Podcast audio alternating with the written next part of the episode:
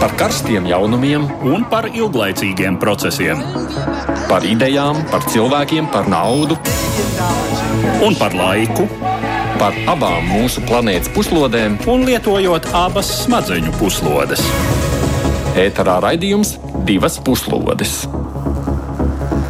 Edvards Liniņš un Aits Tamsons atkal saka jums labdien! Kopš gadu mījas trešdienās šis ir laiks ieskatām notikumos, kas risinās ārpus Latvijas robežām. Nosaukums rāda, ka mūsu uzmanības lokā ir abas zemes puslodes, bet nu, šoreiz vairāk pievērsīsimies tam, kas notiek nu, pat salīdzinoši tuvu Latvijai. Vācijas ārlietu ministre vakar devās savā pirmajā vizītē uz Maskavu, lai runātu par saspringtajām attiecībām ar Krieviju. Nekādu progresu šī tikšanās nav nesusi, un spriedze nedēļas laikā tikai vairojusies. Krievija turpina uzturēt savu ultimātu NATO, izvēršot ar vien lielākas militārās aktivitātes pie Ukrainas robežām. Krievijas provocējošā rīcība ir raisījusi satraukumu ne tikai Ukrainā vai NATO dalību valstīs, arī mums līdzās esošā Somija, Zviedrija ar bažām raugās uz Krievijas aktivitātēm, diskutējot par to, kā tad viņiem sargāt savu drošību. Mēs parunāsim par noskaņojumu, kāds ir vērojams Skandināvijā. Un savu uzmanību šodien veltīsim arī Lielbritānijai, kur turbulenci izraisīs ne tik daudz Brexits, cik pandēmija un valdības rīcība pandēmijas laikā. Londonā nereizi vien rīkotas skaļas ierēdņu ballītes, laikā, kad pārējā valstī bija vai nu mājasēde, vai arī ļaudis sēroja. Ir sašķobījies premjerministra Borisa Džonsona krēsls. Nu, tāds lūk izskatās mūsu šīs stundas saturiskais izklāsts. Krievijas draudiem sanāks veltīt vairāk laika. Tā patiešām šķiet aktualitāte numur viens. Mēs sākam ar Vācijas ārlietu ministra došanos uz Maskavu, un vispirms ir Eduarda gatavotais informatīvais apkopojums. Vācijas ārlietu ministrs Annelēns Bērboks pirmā vizīte Maskavā tika gaidīta ar pamatīgu interesi, jo tikšanās aci pret aci ar Krievijas ārlietu resora vadītāju un pasaules diplomātijas vecmeistaru Sergeju Lavrovu nav viegls uzdevums nevienam rietumu diplomātam. Lai atceramies kaut vai Eiropas Savienības ārlietu vadītāja Josepa Borela dārdošo izgāšanos Maskavā pagājušā gada februārī, kad Lavrovs kopīgā preses konferencē atļāvās burtiski gānīties par Eiropas Savienības ārpolitiku, tādējādi Borela personā pazemojot visu viņa pārstāvēto valstu kopību. Tūdaļ jāsaka, jaunā Vācijas ārlietu resora vadītāja no Zaļās partijas šo eksāmenu ir izturējusi pārliecinoši. Un kā atzīmē pēc vakardienas sarunām notikušās preses konferences vērotāji, tad šoreiz paguris un sašļots izskatījies Sergejs Lavrovs. Ar rutinētu pieskaņu viņš uzskaitīja Kremļa pārmetumus, sākot ar žēlošanos par gāzes vada Nord Stream 2 neproduktīvo politizēšanu un diskriminējošo attieksmi pret Krievijas valdības telekanālu RT, kuram Vācijā nesen anulēta licence, beidzot ar apgalvojumu, ka Krievija nevienu neapdraudot, bet gan pati jūtot draudus no rietumiem Annelēns Bērboks atbildes bija izturētas, taču bez mazākās cenšanās notušēt pretrunas. Tā telekanāla RT licences sakarā viņa norādīja, ka Vācijas konstitūcija aizliedz valsts apmaksātu raidorganizāciju darbību neatkarīgi no tā, vai šī valsts būtu Vācija vai Krievija. Savukārt Krievijas pieprasīto drošības garantiju sakarā ministra teica: Mēs esam gatavi nopietnam dialogam par savstarpējiem līgumiem un soļiem, kas sniegs lielāku drošību ikvienam Eiropā drošība cilvēkiem Rīgā, drošība cilvēkiem Bukarestē, drošība cilvēkiem Berlīnē, drošība cilvēkiem Sanktpēterburgā. Kā atzīmē novērotājs, spilgts bijis arī preses konferences noslēgums, kurā viesņa nepacentās veltīt drūmajam namatēvam nedz pateicības vārdus, nedz kādu cieņpilnas atsveicināšanās žestu. Var piebilst, ka gluži citādā atmosfērā dienu iepriekš notika Annelēnas Bērbokas vizīte Kijevā, tiekoties ar Ukrainas prezidentu un Ukrainas ārlietu ministru.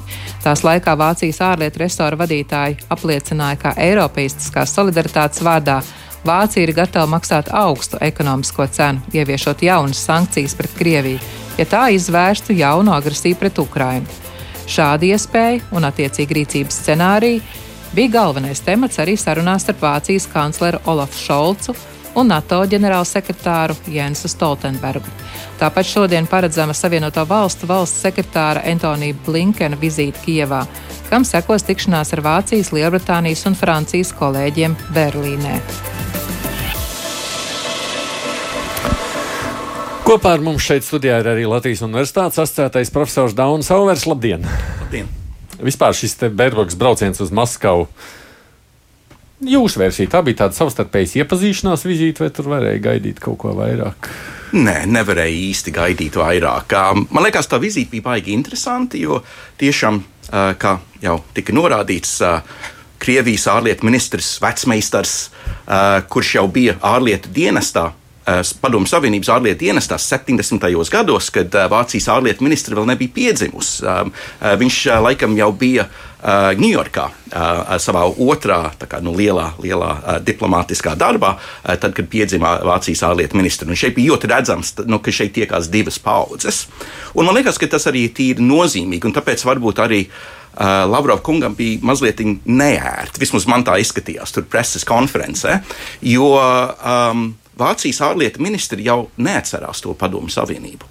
Um, viņai bija 9 gadi, kad Vācija apvienojās, 11 gadi, kad uh, Baltijas valsts izcīnīja de facto uh, neatkarību no, no Padomu Savienības. Un viņa faktiski vienīgi un tikai zina uh, Baltijas valstis, un arī, protams, Polija un tā tālāk, kā neatkarīgas valstis, un pa lielam arī kā Eiropas un Eiropiskas valstis. Un man liekas, ka uh, rezultātā arī droši vien viņi tā bišķītiņi, nu, viņiem nebija tāda saruna, kā varbūt bija ar iepriekšējās paudzes eh, ārlietu eh, ministriem, gan, gan Vācijas, gan, gan Francijas. Tāpēc nu, šeit ļoti atšķirās tas stils, un, un tīri zīmīgi man liekas arī tas, kā viņa kā, tur pamet zāli. Tur eh, pēdējais jautājums preskonferencē viņai arī bija par to uh, Russia Today, par to Krievijas televīzijas kanālu, nu, kura darbība tiek ierobežota uh, Vācijā, un viņa norādīs to, ka mēs Vācijā nu, mēs jau uh, vispār neatbalstam valsts uh, televīziju un viss, un tad izstaigāja ārā, pat nedēļu roku Lavrovam, kurš it kā izskatījās, it kā viņš sagaidīja kaut kādu žestu no viņas puses. Tā tad, jā, šī bija vairāk tāda simboliska tikšanās. Um, es domāju, ka nu, diez vai būtu uzticēts Vācijas ārlietu ministrei gan no Francijas puses, gan arī no Eiropas Savienības un citu NATO puses nu, pieņemt nu, kaut kādus nozīmīgus lēmumus pirmā tikšanās ar Lavrovu. Kā tu komentē šo pirmo tikšanos? Tieši tā, divas. Tā, tas nav mans komentārs, tas uh, izskan šur tur. Uh, starptautiskajā presē divas pasaules, -huh. divas paudzes, divas pasaules. Patiešām uh, tas laikam ir galvenais, un tas ir galvenais, kas, es domāju, pilnīgi piekrītot mūsu studijas viesim, mulsināja Sergeju Lavrovu. Nu, tāds skuķis. Jo, protams, Angela Merkele bija izcila politiķe. Uh, bet uh, viņas nu, neteiksim, varbūt vājie punkti, bet domāšanas īpatnības bija Krievijas diplomātijai un tā skaitā Lavrovam labi zināmas, patiešām zināma pateicība uh, par atļauju Vācijai apvienoties savā laikā Tā tad 89. Eh, gads, Berlīnas mūra krišana un mm, attiecīgi nu, šis jautājums, vai Austrumvācija, kas atkal jau šodien pēc šī notikuma dzimušajiem, šķiet absolūti pašsaprotami. Valsts, jā, kas, nav, kas nav. Tātad, jā, vēlreiz uzsverot, eh, Anna Lēnas Bērbokas domāšanā Berlīnas mūris ir vēsture. Eh, viņa to nekad nav redzējusi, izņemot dažus dzelzbetona fragmentiņus, kas vēl kaut kur mētājas. Ja? Eh, un eh, tas ir ļoti būtiski. Viņa domā par citām lietām, viņa uztrauc citas lietas, un viņa īsti nemāca domāt šajās 20. un pat vēl agrāku gadsimtu kategorijās, kas ir spēku līdzsvars starp lielvarām kuras dala ietekmes sfēras, kuras skatās uz valstīm sev apkārt, kā vai nu uz ielēkumu, vai arī uz savām, tā sacīt, pakļautajām satelīta zemēm, vai, nu, sauksim, kā gribam, jau uz savu pagalmu, mm -hmm. ja, tuvajām ārzemēm. Viņas domāšanai ir pavisam citi akcenti. Viņa redz tās globālās problēmas, kas neizbēgami ir jārisina. Uh, un uh, kā arī norāda mm, novērotāji, viņas sejas izteiksme, uzklausot Lavrova tekstus, mm, uh, ierastos, ir garlaikota.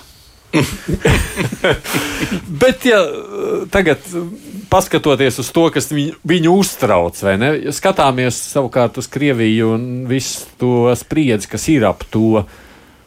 Kāda jēga no visām tām sarunām, ja tur jau taču nekas nemainās? Nu, tā spriedze jau nemazinās, tās sarunas nekādas rezultātus nedod. Nu, mēs jau nezinām, vai tā spriedze mazinās vai nē. Visticamāk, ja notiek sarunas, ja notiek diskusijas, nu, nu, kaut kāds tvaiks tiek, tiek nolaists. Jo gal galā Krievijas mērķis jau ir būt pie galda ar šīm lielām valstīm. Jo ekonomiskā ziņā, protams, nu, neviens nerunās ar Krieviju. Krievijas uh, ekonomika nominālā vērtībā ir 11 lielākā pasaulē. Tad šeit pat netiek pirmā desmitniekā, kur ir Dienvidkoreja un, un citas valstis. Um, Vācijas ekonomika ir divi pusreiz lielāka uh, par uh, Krievijas. Tātad, nu, ekonomiskos jautājumos, protams, ar Krieviju tā nu, īsti nerunās. Bet, ja runājam par drošības jautājumiem, nu, tad Krievijai arī ir iespēja kaut kā izpausties. Un, protams, tas ir, ir, ir tādā baumu līmenī, bet ir daudz rakstīts tur analītiķi rakstos pēdējos gados, kad prezidentam Putinam tā kā pišķīt apnīk iekšpolitiskie jautājumi, nu, kas ir vispār kaut kas, kas ir raksturīgs prezidentiem, arī Amerikas prezidentiem. Vēsturiski viņi pirmos savus prezidentūras gadus nodarbojās ar iekšpolitiskiem jautājumiem, un tad viņi saprot, ka nu, ātri nekas īsti nemainīsies. Um, un tad viņi sāk vairāk nodarboties ar ārpolitikas jautājumiem, nu, kas ir tādi nu, interesantāki pišķītiņi. Un kad kaut kas līdzīgs laikam ir noticis ar Putinu kungu šobrīd, un kad viņam nu, šī, šī ir iespēja, uh, šie draudi Ukrainai ir iespēja sēdēt pie viena galda ar pasaules lielvalstīm runāt par svarīgiem jautājumiem, un iespējams arī viņš iegūs kaut kādu Iespējams, jo mēs vēl nezinām, protams, bet iespējams, ka arī iegūs kaut kādu lielāku popularitāti savā valstī, jo viņa reitingi nu, nu, nav tie labākie no, šobrīd. No otras puses, nu, arī Lavrovs jau sacīja, ka nav jau jēgas tur vairs runāt, kamēr nebūs atbilde uz viņu uzdoto ultimātu, kas tad tur būs ar tām sarunām, Eduards. Būs vispār, ir jēga, tur kaut kas notiks. Es, nē, nu kaut kādas sarunas, jā. protams, būs. Blinkens atkal skrien nu, atskrējis. Jā, jā, jā. Blinkens ir teiksim, atlidojis tomēr, teiksim, korekti, uh, uz Eiropu un tiksies cits starpā ar Lavrovu šīs nedēļas beigās, piekdienas šķiet Ženēvā. Uh, un, uh, nu, kamēr notiek sarunas, tikmēr ir, nu, tikmēr mēs varam gulēt daudz maz mierīgi. Ja? Um, un arī es pieļauju, ka arī Kijevā un pat Harkovā var gulēt daudz maz mierīgi, jo, nu, teiksim, tā sarunāšanās tā ir zināma garantija, ka nebūs, mm, ka nebūs uh, Karš. Jā, tāds, uh, ka, ka tā spriedze netiks izlādēta militārā konfliktā. Bet tādas sarunas, kā to ir iedomājies Putins, nu, es nevaru iedomāties. Ja? Respektīvi, sarunas par to, ka tiešām um, garantēt Ukrainas un Grūzijas neiestāšanos, uh, vēl jau vairāk uh, garantēt NATO spēku daudzumu Krievijas robežu tūmā. Tas nozīmē pirmām kārtām uh, Baltijas valstīs un Polijā. Um, nu, mēs šodien arī runāsim jautājums par uh, nepaplašināšanos, vai tas attiecas arī uz Skandināvijas Jā, valstīm, Somija. kas nav bijušas uh, un līdz šim nav NATO blokā. Tā kā. Mm, tādas, jā. jā, labi, labi. Lai runā, man likās vēl viens interesants visā šajā aspektā. Uh, Jo mēs daudz runājam nu, par to noskaņojumu, par tām bažām, ko mēs redzam rietumu politikā, bet ko tad īsti saka savukārt paši Krievi visā šajā notikošajā? Jo būtībā jau, nu, lai nu ko, bet Putins ar Krievijas tautu nerēķināties nevar. Viņš tomēr kaut kādā mērā ir no tās situācijas atkarīgs. Mēs esam sazvanījuši šobrīd tur dzīvojošo latvieti Andri Lielo, kurš arī ikdienā seko līdz politiskajām norisēm. Labdien, Andri! Uh, labdien! Kā Krievijas iedzīvotāji uztver visas šīs ziņas, kas nu, satrauc vispārējo pasauli? nu, man jūs jāapbēdina vai jānomierina. Krievijas iedzīvotāji savā vairākumā par šīm sarunām un par, par, par pasauli neinteresējas. Situācija ir tāda, ka, ka uh, pamatmasa grib izdzīvot elementāri, tāpēc, ka ir, ir atkal jaun, jauns tas pandēmijas vilnis, covid, Un veselības izskatās, ka veselības tā nozara netiek ar to visu galā, tāpēc, ka pat es te biju saslims un gribēju izsaukt ārstu uz mājām, vairs uz mājām ārsts nenāk. Ja tev nav 40 temperatūra, tev pašam jāiet uz poliklīniku, poliklīnikā tur atkal ir boksi lieli, rindas un tā tālāk. Absolūti vienaldīgi Krievu, Krievu pamatmasa bija pret uh, notikumiem Kazahstānā. Ukraina ir tālu, tas jau astoņus gadus notiek viss tas. Nu, tā kā, nu, protams, propaganda šeit spēlē lielu lomu un, nu, Krievi jūtās apbižot, Krievi jūtās uh, rietumu apspiesti, nu, tā, tā to var teikt, tādā uh, pamatmasā. Nu, tie, kas ir izglītotāki un kas interesējas, un kur, kuram ir iespējas, tie mēģina nodrošināt sev rezerves kaut kādas mājvietas ārzemēs kam ir nauda, kam nav nauda, tie mēģina būt klusi, mazi un nekomentēt, tāpēc, ka, nu, jums jāsaprot, es runāju no Maskavas, un uh, komentēt notikumus uh, brīvi vairs nevar pat, pat, pat internetā, jo uzreiz tev uh, uzliek visādas sankcijas un ierosina lietas, tā kā, tā kā diezgan tā situācija drūma, un cilvēki Jā, cilvēki vienkārši vairs neiesaistās visā tajā. Viņi laiž to pāri galvai. Bet, ja drīkst jautāt tīri par tādu nu, emocionāli, nu, nav jau, nu, karš nebūs, vai ne? Krievi, Krievi nedomā, ka būs karš. Nē, nē, nē, absolūti nedomā par karu. Es atceros 14. gadu Ukrainas notikumus. Nu, tad bija katrā Kielskā bija kastu ziedojumu kastu stāvēja, kur, kur cilvēki meta naudu no tiem, kas tur uh, Donbasā vai tur, kur karoja Krimā vai kur. Uh, tagad tas viss nav, nu, nav jau nekas arī sācies, bet, uh, bet nē, nē, nē, nē. Cik es zinu, pavēstas jaunieši nesaņem un, un, un, un, un, skolās arī tur, tur puikas iet skolā, teiksim, kaut kāda pastiprināta militāra uh, nu, audzināšana tāda vai, vai, vai nenotiek. Nu, vienkārši propaganda vārās pāri katlam un vairs nevar sevi apturēt. Nevar sevi apturēt. Diemžēl tas iesēžas tajā zemapziņā, tai Krievu masē, tāpēc, ka, ka viņi tam televizoram tic, valdībai pakļaujās paši, nedomā, ko valdība teiks, to viņi darīs. Nu, tā tas ir. Labi, bija interesanti. Paldies, Andri. Paldies par tādu jā, ies... paldies jums, nu. ieskatu mazliet. Jā, jā. Andris... Tā tas ir. Jā, nu, es gribu grib teikt, ka, ka mums Latvijai jāpateicās Ukrainai. Ukraina ir priekšplānā, bet, uh, ja jautājums ar Kazahstānu atrisinājās ātri, ar Ukrainu arī viņš kaut kādā veidā atrisināsies, nu, nākošās ir Baltijas valsts. Tāpēc, ka tā pamat, pamatdoma, ar ko, ar ko es nerunātu, nu, tādu vietējo Krievu, teiksim, tādu gruntīgu, nu, visa tā jēga ir tāda, ka Pēters pirmais jūs nopirka no Zviedriem, uh, Un ko tad mēs 300 gadus bijām pie jums, un tagad mēs atkāpāmies? Nav jau runa tikai par padomu periodu. Ir, ir tāda 300-400 gadu vēsturiska netaisnības sajūta Krievijai. Naša Rīga, naša Jūrmala, kā jau ir bez nas. Hmm.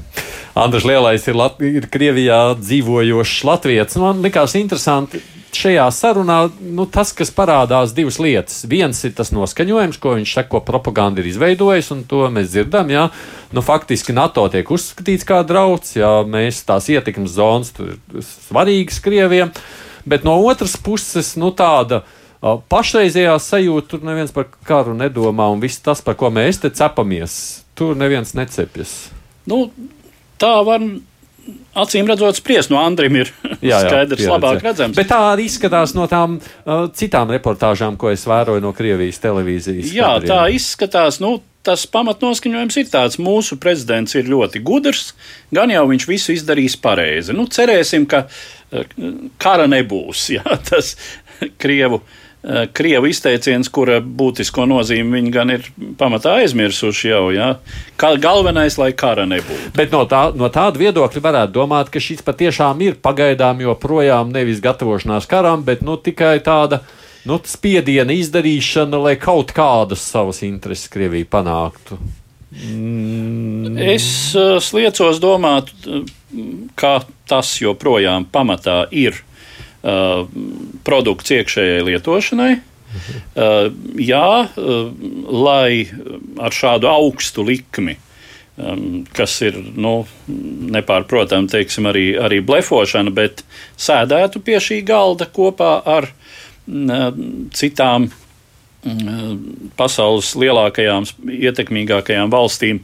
Uh, Un lai tas būtu skaidri redzams arī teiksim, Krievijas sabiedrībai, ka mūsu prezidents, lūk, kā mūsu prezidents atkal ir piespiedis uh, sevi un līdz ar to arī mūs visus respektēt. respektēt. Bet ja no tāda viedokļa vai nav muļķīgi, ka, nu, kad rietumi ļaujās šādam nu, uz, uzspēlētam scenārijam no Krievijas. Bet es domāju, ka rietumiem jau nav izvēle, jo rietumos, atšķirībā no Krievijas, ir demokrātija. Un politiķiem ir jārēģē uz draudiem, kas var ietekmēt arī uh, nu, Ziemeļa Eiropas drošību uh, noteikti, un, un zināmā mērā arī um, Amerikas drošību, un, protams, arī ekonomisko attīstību pasaulē, tirdzniecību un tā tālāk.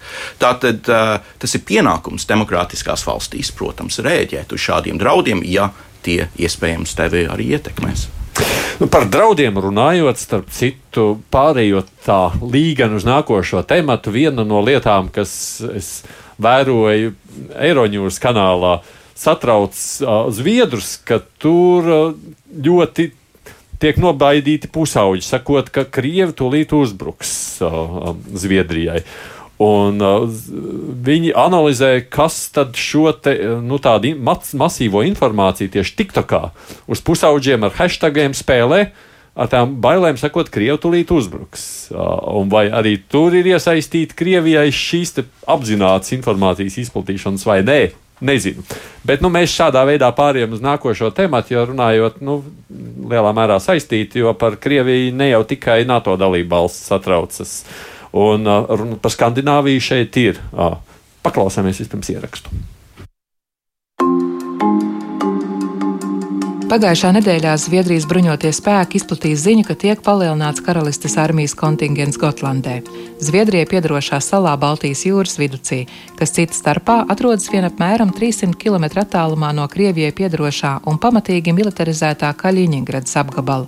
Tā ir reakcija uz spriedzi Baltijas jūras reģionā, kas strauji augusi. Krievijai šeit, kāpinot savu militāro potenciālu un pagājušā gada nogalē uzstādot ultimatīvas prasības Ziemeļatlantijas aliansē un Savienotajām valstīm par NATO tālāku nepaplašināšanos un militāro spēku neizvietošanu agrākajā Padomas Savienības varas sfērā. Gadījumā, ja sāktos militāra konfrontācija starp NATO un Krieviju, Gotlandes okupācija būtu vairāk nekā loģisks militāri strateģisks solis no Krievijas puses.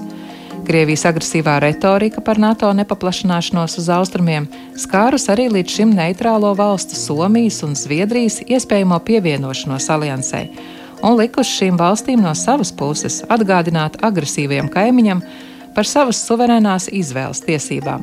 Tās savās jaungada uzrunās akcentējas gan Somijas prezidents Saulīna Ineste, gan premjerministre Sanna Marina.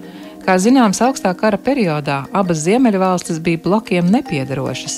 Zviedrijas neutralitātei ir senas saknes, un mūsdienās šis status kļūst par nacionālās identitātes elementu. Tomēr augstā kara periodā Zviedrija slepeni sadarbojās ar NATO un pastāvēja pat plāni par alianses iejaukšanos, ja Padomu Savienība uzbruktu Zviedrijai.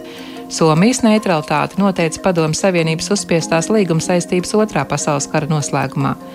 Tomēr laikā pēc padomu sistēmas sabrukuma Somija un Zviedrija turpinājušas uzturēt savas aizsardzības spējas salīdzinoši labā līmenī, pie tam savstarpēji koordinējušas aizsardzības plānus, un to iestāšanās NATO varētu dot pamanām pienesumu alianses ziemeļaustrumu flanga stiprumam.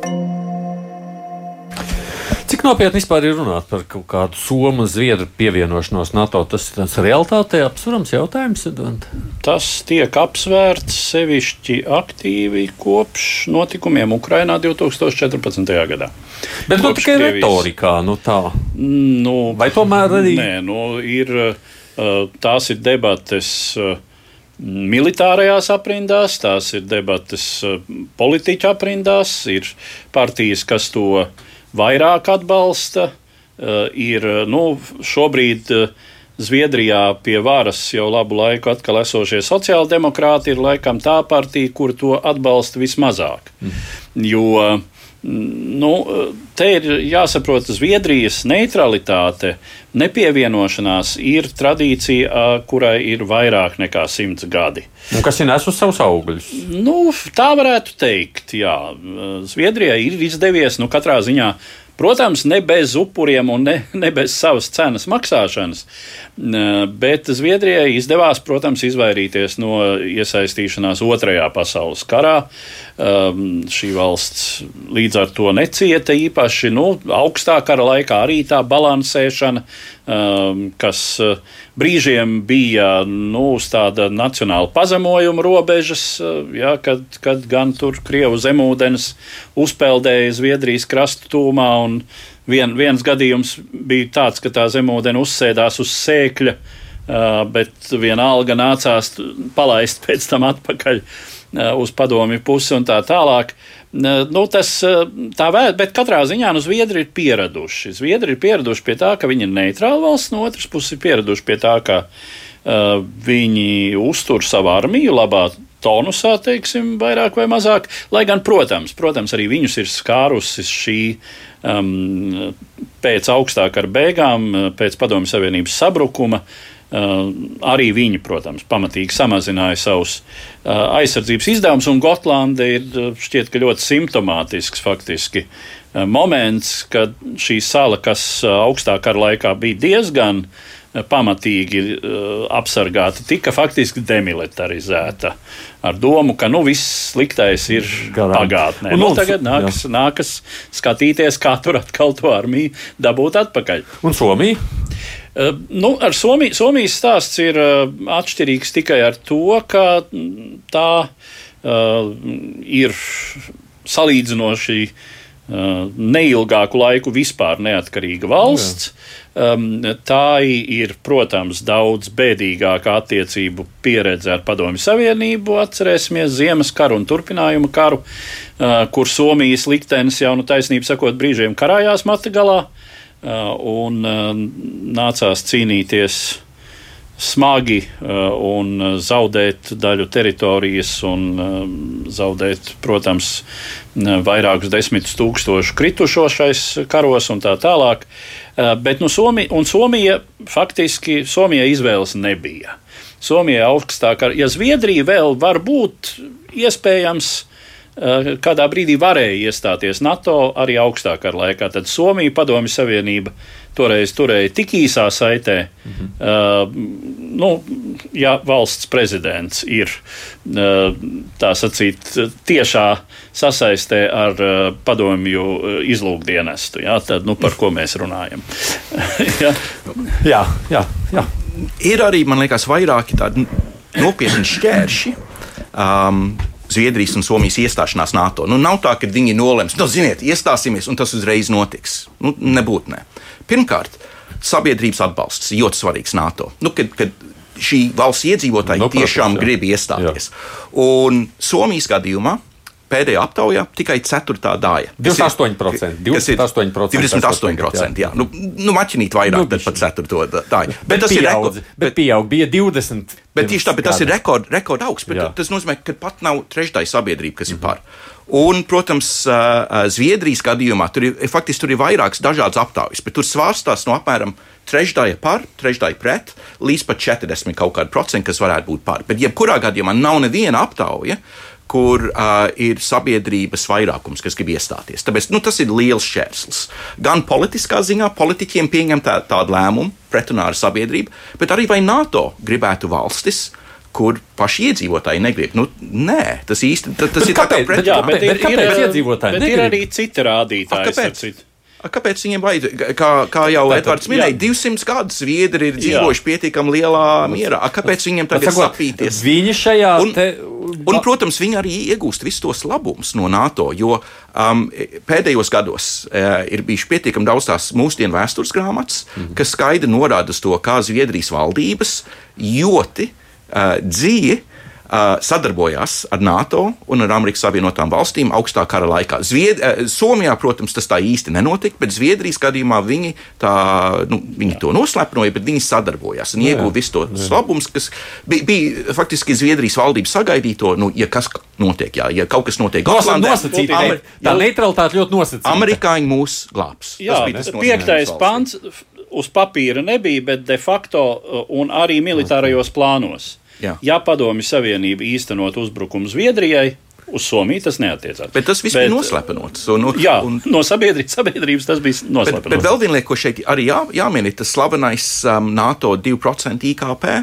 Zviedrija to neizpilda, un ne, ne tuvu. Uh, Somija to izpilda. Tad nu, tas viņiem būtu tāds mazāks šķērslis, bet uh, Zviedrija netērē pietiekami daudz uz aizsardzību, un viņiem būtu krietni jāmaina uh, savu budžetu. Un atcerēsimies to, ka Zviedrijā ir, ir, ir gan politiskās partijas, gan kustības, gan arī pilsoņi, kuri kā nu, īsti negrib, lai to naudu tērē uz ieročiem un tādām lietām. Nu, drīzāk mums būtu to naudu jātērē uz labklājību. Un tātad arī šis pieņēmums, nu, ka mēs varētu kaut kādu naudu transferēt, nu, piemēram, no izglītības uz aizsardzību, nu, tas īsti neiet cauri Zviedrijas gadījumā. Un tad trešais faktors ir tas, ko, ko jau minēja.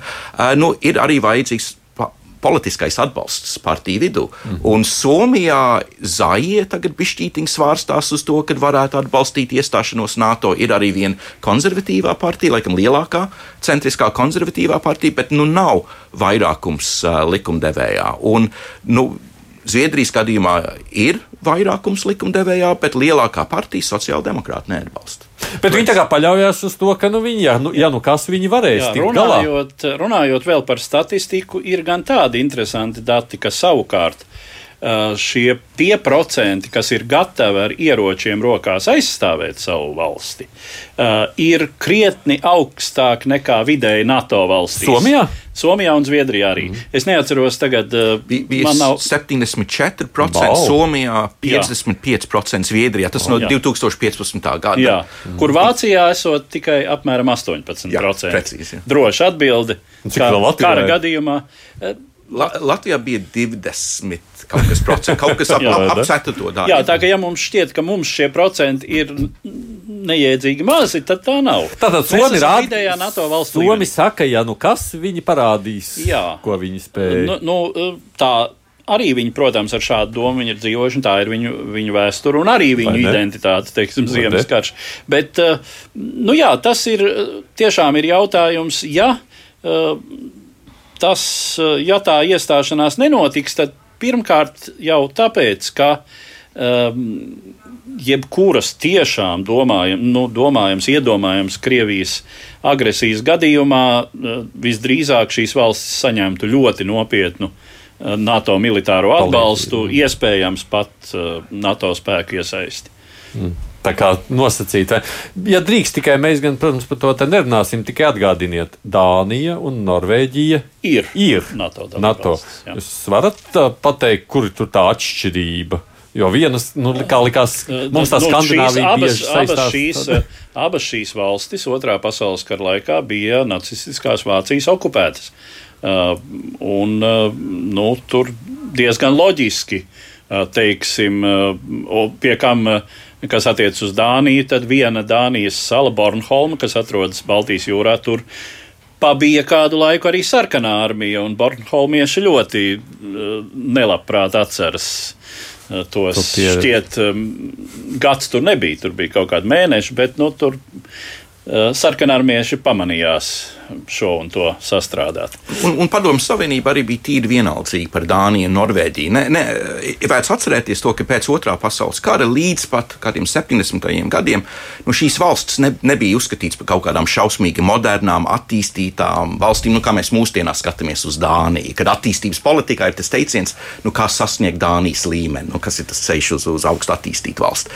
Nu, tas tā nebūtu. Nebija īpaši Norvēģija pirms uh, atklāja uh, naftu, uh, šo melno zeltu.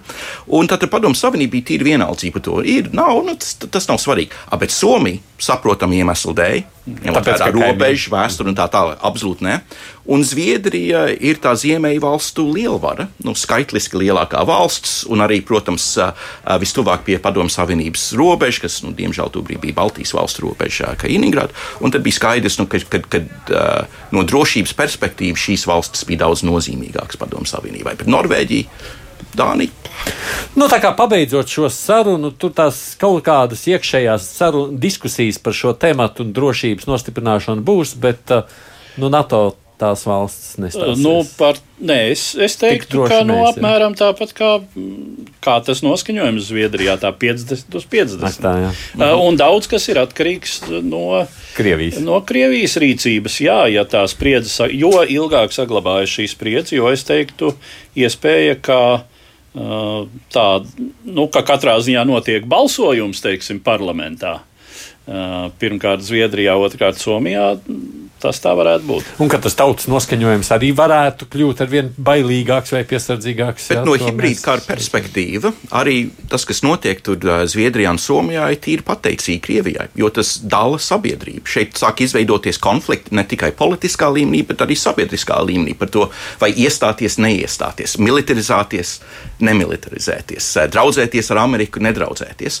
Un tas jau gal galā ir tas, ko Krievija jau daudz gadus grib izdarīt Eiropā, vienkārši nu, dalīt sabiedrību sabiedrība, likt jukumu politiskā sistēmā, un tad kādreiz arī parādās kāda laba politiskā, nu, drīzāk populistiska politiskā partija, kas arī var sačakarēt veco iekārtu.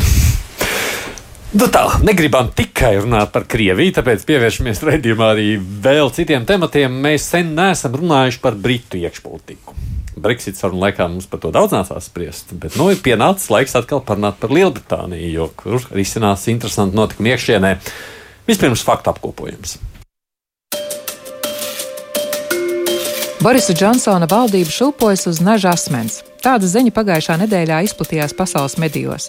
Atklājies, ka 2020. gada maijā, kad Lielbritānijā bija izsludināta pirmā mājasēde un ierindas Britiem bija atļauts satikties tikai ar vienu personu, kas nepiedara pie viņa mājasēmniecības, premjerministra biroja dārzā Downing-strītā notikusi ballīte, kurā piedalījušies apmēram simts biroja darbinieki, premjeri ieskaitot.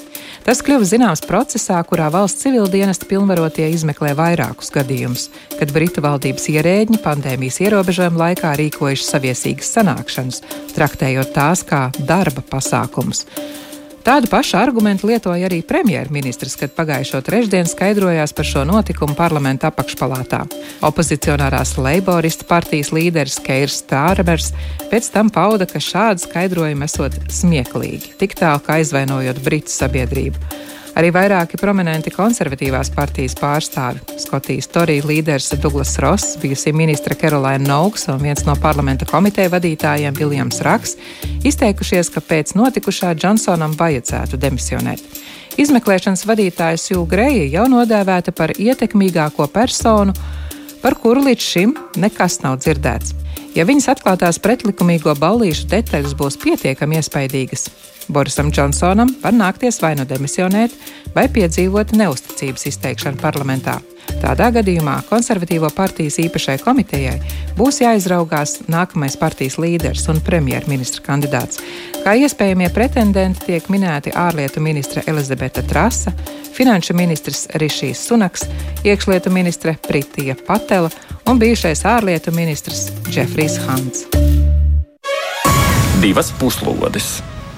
Sargādienas studijā kopā ar mums ir Latvijas Universitātes asociētais profesors Dauns Auvers, nu, komentē arī, protams, Edvards Liniņš. Cik tiešām ir reāli iespēja, ka Džonsons var zaudēt savu? Ļoti reāli. Tiešām? Jo tie detaļi, kad uh, izpēta mazliet tuvāk, izlastos rakstus, kas tur atklājās, ir fenomenāli. Man liekas, tas, tas smieklīgākais details ir, ir tātad bija arī tusiņš uh, atkal uh, Downing Streetā uh, to vakaru pirms um, karalienes Elizabetes vīra bērniem. Uh, un, un, protams, Briti šo vēroja. Tas bija tāds ļoti nopietns pasākums, arī ļoti bēdīgs. Karaliene sēdēja viena pati, ievēroja visas uh, nosacījumus, kas tobrīd bija spēkā. Bet tajā pašā laikā, iepriekšējā vakarā, bija tik liels tusiņš, kad viens ierēdnis bija aizgājis ar koferi, ar lielo ceļošanas koferi uz vietējo lielveikalu uh, un nopirkt tikai alkoholu. piepildīja visu šo koferu ar alkoholu, atstūma apakaļ uz Daunu ielu un tad gāja tusiņš pagrabā. Un tad ir visādi šādi sīki detaļi. Līdzīgi uh, uh, arī tika pieminēta ballīte dārzā 20. gadā. Um, nu, uh, uh, uh, tas notika, šī ballīte, kur var redzēt, ka tur, tur bija pietiekami liela dzeršana, tur bija vīns, sāls izlikts, kaut kāds cīsings mīklā un tā tālāk. Nu, gāja ritīgi ballīt. Divas stundas pirms sākās šī balle. Eh, kultūras ministrs, šķiet, tas bija Olivers Taudens, bija parādījies televīzijā tiešraidē un bija atkal brīdinājis iedzīvotājiem. Var tikai tikties ar, cilvēku, ar vienu citu cilvēku, un iekštelpās nē, ārā. Tātad arī parkā, stāvvietā, ielā drīkst tikai divi cilvēki būt kompānijā. Un tai pašā laikā 30 cilvēki sanāk uz, uz, uz lielu tusiņu Downing Streetā. Un, un tur ir visādi šādi detaļi, kas ir vienkārši fenomenāli. Un tas ir sadusmojis visu sabiedrību. Tātad nu, šis ir jautājums, kas skar visus. Jo pa lielam Britu sabiedrība ir bijusi paklausīga pandēmijas laikā, ir ievērojuši šos ierobežojumus, nu, nav viesojušies pie uh, vecākiem, uh, tur izlaiduši visādas ģimenes svinības un tā tālāk. Bērni mācījušies mājās. Un tad šeit sanāk tā, ka uh, premjerministrs, viņa padomdevēji un vadošie ierēdņi valstī kas ir pa lielam arī veidojuši un rakstījuši šos likumus, viņi paši uzskata, ka tas eh, neatiecās uz viņiem. Un jā, šī krīze ir, ir, ir liela. It sevišķi, jo, protams, Boris ir melojis uh, par šo jautājumu. Vai drīzāk šobrīd pēta to, vai viņš ir melojis, bet ir tīri skaidrs, ka viņš ir melojis. Viņa tie, tas, ko viņš ir teicis publiski, ir, ir, ir tie teikumi tādi, ko acīm redzot, juristi ir ļoti rūpīgi rakstīšu. Jo katrs vārds ir, ir, ir, ir zināma konotācija, kur viņš tā kā pasaka to, ka varbūt kaut kas ir nelikumīgs ir noticis, bet es īsti par to nezināju, un, un, un es neko sliktu nesmu darījis. Un, un, un tā. Tāpēc, jā, um, nākamās dienās būs milzīgs spiediens uh, uh, Borisam uh, atkāpties. Tas varbūt nenotiks šonadēļ, uh, jo vairāk iemeslu dēļ ir grūtāk uh, piespiest uh, parlamentam balsot par neusticību vai partiju ietvaros vai, vai, vai plenāru sēdē piekdienā. Jo tad vienkārši ir daudz mazāk to deputātu, jo piekdiena ir tā diena, kad dodies uz tavu vēlēšanu iecirkni, lai tikties ar vēlētājiem. Un tāpēc nu, ir daudz sarežģītāk nu, nodrošināt to, ka tiešām visi balso tā, kā vajadzētu. Tātad tas varētu būt nākamā nedēļa. Um, ja nākamā nedēļa sākumā tiek virzīta tāda neusticēšanās Borisam, nu tad uh, viņa, jā, jā, viņa amats ir apdraudēts. Es par šo jautāšu tālāk mazliet, bet. Te Atceramies, mums te Latvijā jau vienas kaut kādu vecu video, kur premjerministrs bija dziedājis un pavaļus pie klavierēm pirms pandēmijas, un tad jau rullēja vai ne pa Jā. sociālajiem tīkliem un mēģināja un, kaut kā uh, atrast. Un premjerministrs veikalā, kur viņš iepērkas, kā nu tur bija, jā, uh, bez maskas, maskas jā. jā, brīdī, kad maskas nebija obligātas to brīdi vēl veikalā. Jā, jā, jā. Un, uh, un, un cik tālāk. ļoti ķēra klāt, vai ne? A, te paskaties. Nu, te ir tā. Man liekas, ka mēs Latvijā kaut ko tādu iedomāties nevarētu, vai ne? Nu, nu vismaz es, es varu es iedomāties, neteiktu, kas ka... pat troksni būtu. Ne, troksnis būtu liels, un es pieļauju, ka. Premjeras zaudēt amatu. Jā, es, es visdrīzāk, nu, man tā gribētos domāt. Nē, man, man ļoti gribas domāt, ka nekas tāds Latvijā tiešām tādā mērogā atklāties nevarētu. Nu, respektīvi, es esmu pārliecināts, tāpēc, ka, ja kaut kas tāds būtu, mēs esam tik salīdzinoši neliela valsts, ka nu, tas būtu uzpeldējis krietni ātrāk. Ja mūsu ierēģi ballētos pilnīgi pretēji visiem noteikumiem eh, kaut kur savā darba vietā, savā darba vietā un vēl sauktu to par darba pasākumu. A, kāpēc viņiem vispār? Nu, bet, Briti bet tādi... man, man ļoti, jā, es pabeigšu jā, teikumu, ja, eh, bet man ļoti gribētos domāt, ka ja nu, tad tādā situācijā Latvijas premjerministrs, lai kurš viņš arī nebūtu demisionēts. Pats, pats vai ne? Bet Briti ir tādi balētāji? Jā. Britu dzeršanas kultūra ļoti atšķirās no latviešu dzeršanas kultūras. A, piemēram, Es biju pārsteigts, kad es sāku strādāt uh, Latvijas universitātē 90. gadu sākumā, ka Latvijas universitātē nebija krodziņš uh, Raņa 19.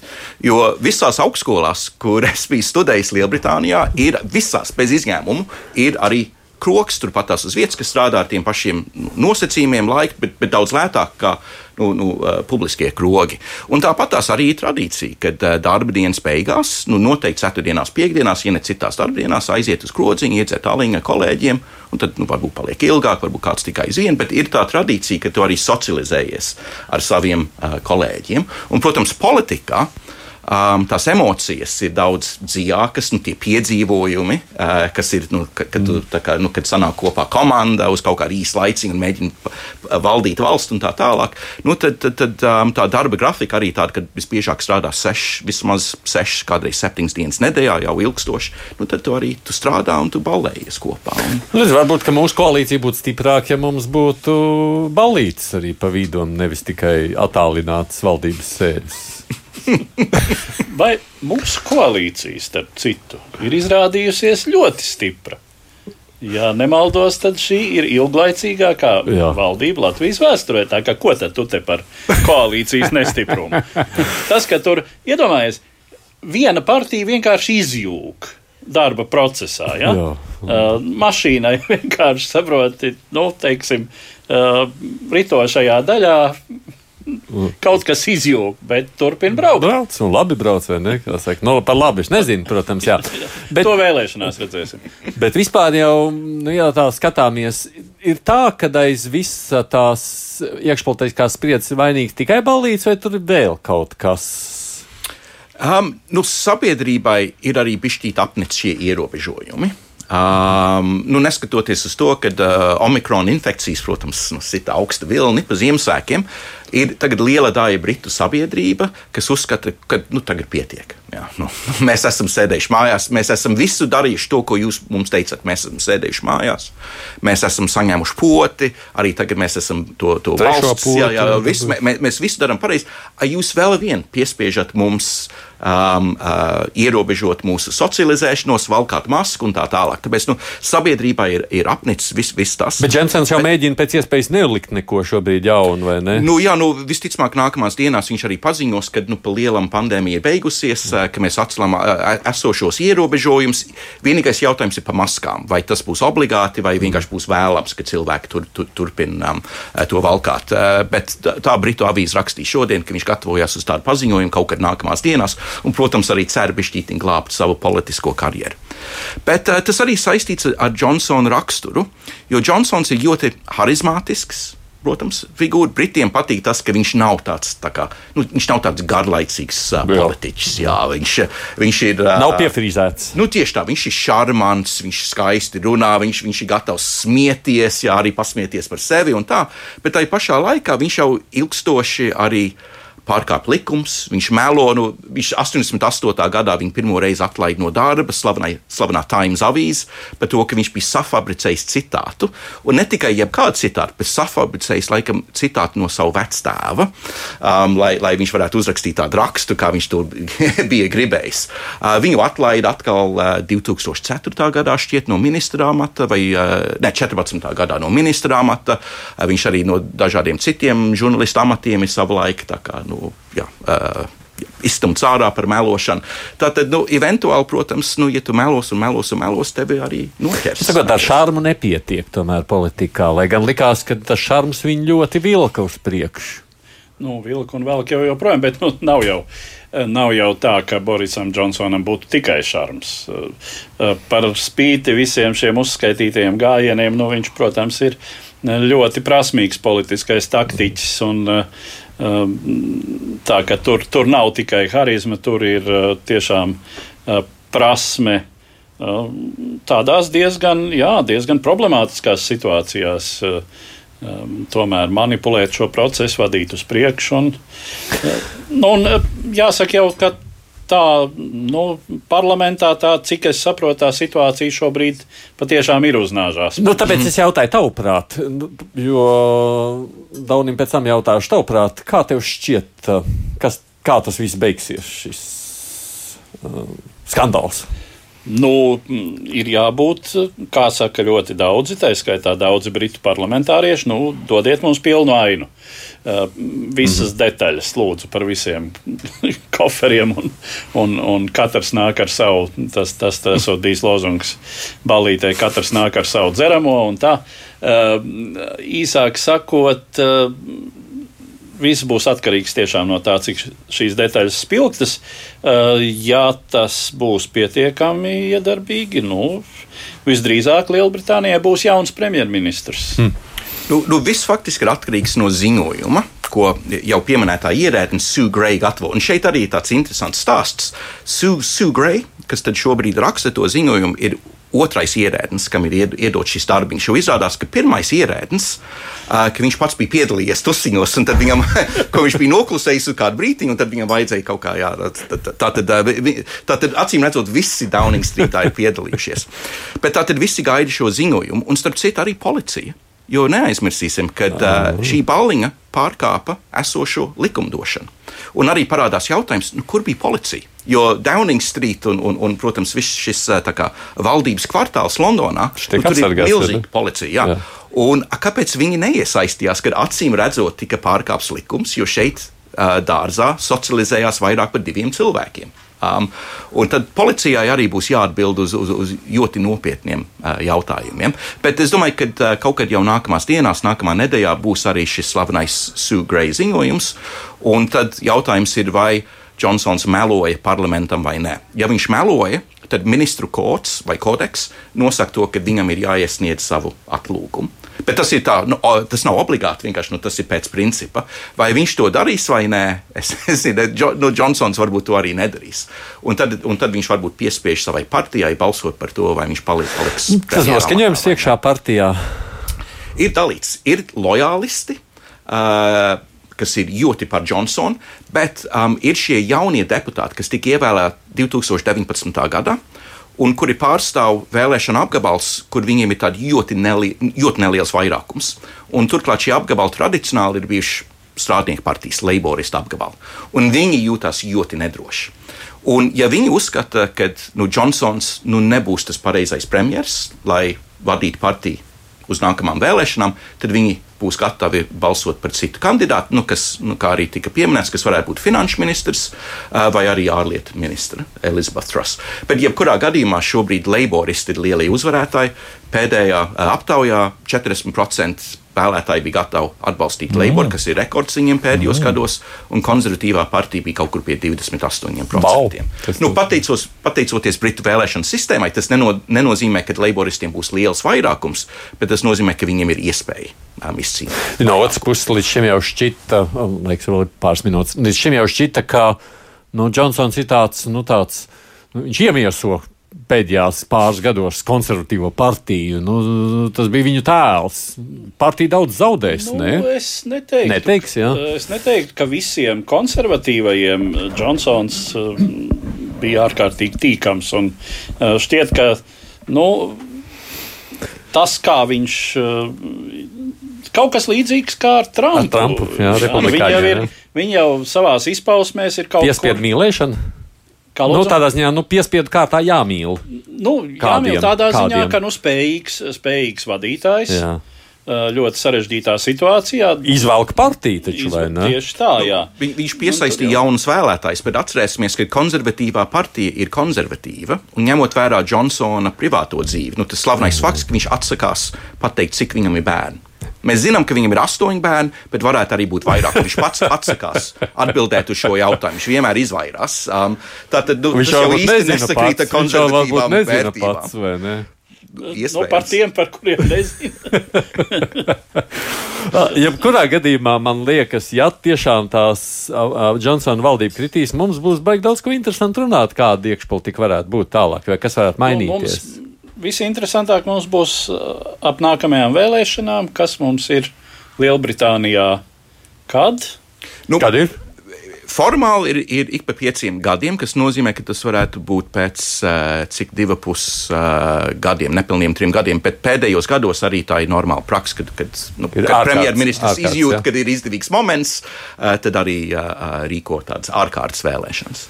Nu, tā kā jā, pietiekoši interesanti notikumi. Paldies! Man liekas, nu, šajā spriedzes atmosfērā nemaz nav slikti paskatīties uz brītu iekšpolitiku. Izrādās, ka viņi var atvieglot mums jeb tādu, uh, uh, nu, ļaut paskatīties arī uz politiku ar smaidu. Kaut gan es nezinu, vai viņi paši tā to jūtas. Latvijas Universitātes astātais profesors Dauns Halērs, paldies, ka atnācāt šeit uz studiju. Protams, arī mēs šeit studijā bijām Edvards Liniņš, Aidis Tamsons, producēja raidījumu Hevi Junāma. Nu, tātad tiekamies ētrā atkal pēc nedēļas, lūkosim, kā tad šie notikumi būs risinājušies tālāk, sekojam līdz jaunumiem, iespēju robežos par tiem arī runāsim. Visu labu!